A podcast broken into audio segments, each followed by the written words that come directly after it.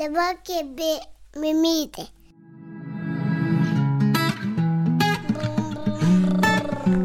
Kabo mamų.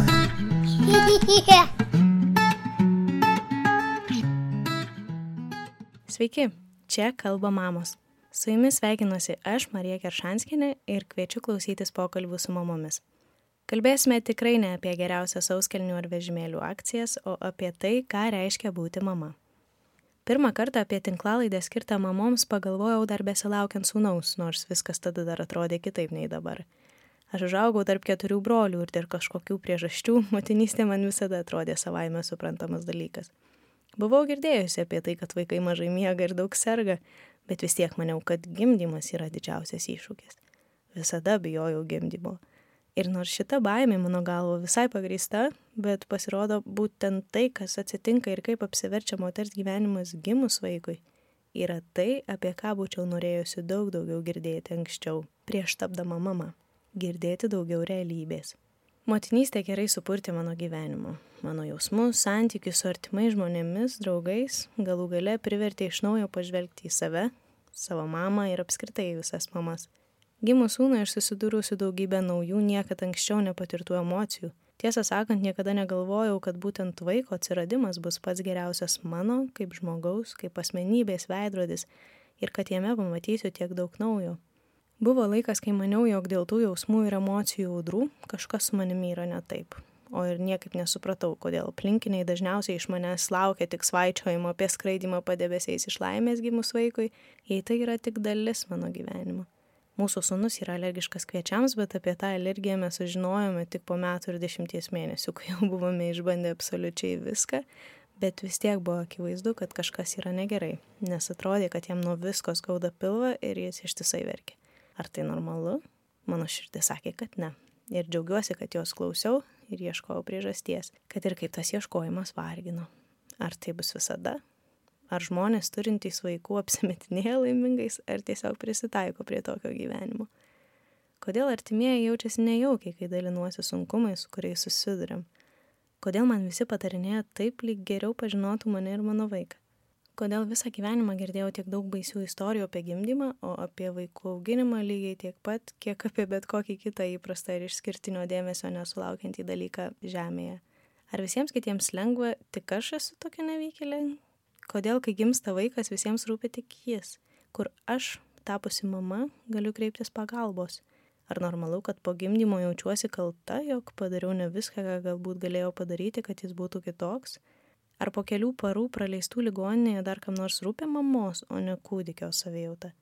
Į šiuos klausimus atsakymų ieškosime ir su mano pašnekovėmis. Tai jokių būdų nebus pokalbiai vien tik apie sunkumus, Kviesiu mamas dalinti savo patirtimi ir patarimais, ką daryti, kad motinystė suteiktų kuo daugiau teigiamų emocijų, minčių ir vestų ne į savigraužos liūdėsio ar kalties duobės, iš kurių išlipti gali būti labai sudėtinga, o į savęs atradimą, augimą ir meilę - savo, savo šeimai, gyvenimui. Motinystė mano gyvenimui padovanojo pačias sudėtingiausias, bet ir pačias nuostabiausias akimirkas. Pamačiau save ir stiprią, mokančią mylėti, drąsią, galinčią dėl to mažo žmogelio padaryti viską, siekiančią savo tikslų ir svajonių, bet kartu ir abejojančią, svarstančią, ar kada nors vėl galėsiu taip džiaugtis gyvenimu, kaip džiaugiausi anksčiau. Ne todėl, kad jausčiausi nelaiminga tapus mama, ne, aš niekada ramiai negalėjau praeiti pro mažus vaikus. Ir šeima, rodos, buvo įrašyta mano kraujyje, bet gyvenimas tiesiog labai stipriai pasikeitė ir aš supratau, kad niekur negirdėjau daugybės dalykų apie tai, kas manęs laukia bet to, ką jaučia mamo širdis, aš nežinojau. Tikriausiai ir negalėjau žinoti, kol jie netapau. Tam pasiruošti neįmanoma. Ir aš išsigandau, kai supratau, kad tokia vieniša dar niekada nesijaučiau, kad tokia didelė atsakomybė, su kuria kartais aš nežinau, ką daryti, niekada anksčiau nebuvo užgriuvusi mano pečių. Kad kartais aš esu labai silpna ir nežinau, kaip spręsti iškilusias bėdas, kad kartais pati savimi nusiviliu nes niekada negalvojau, kad miego ir polisio trūkumas man parodys, jog pati savęs nepažįstu. O situacijų, kai negaliu kontroliuoti padėties, neišvengsiu. Ir teks prie to priprasti. Visa tai mane kartais gazdina iki šiol, bet bendraudama su mamomis aš supratau, kad tokius jausmus patiriu tikrai ne aš viena. Tik mamos dalinasi tuo tyliai. Kodėl? Nes šiandien viešoje erdvėje įprasta girdėti apie sėkmingus, laimingus žmonės į kairę ir į dešinę dalinami laimės patarimai, bet skausmą ir sunkumus, būkite geri, pasilikit savo. Manau, kad tai neteisinga.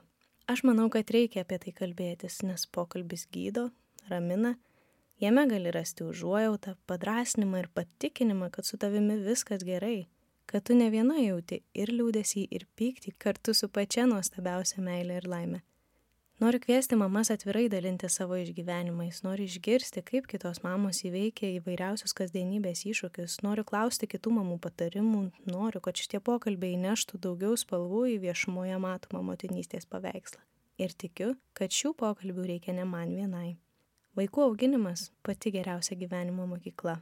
Ir kaip pasakys pirmoji mano pašnekovė, Tai patys geriausi psichoterapijos ir savęs pažinimo kursai tokie, kokių niekur pasaulyje už jokius pinigus nenusipirksi. Nes joks psichoterapeutas taip neiškrapštys pačių giliausių kirtelių, kaip tą padaro vaikai. Ir čia apie tai kalbės mamos.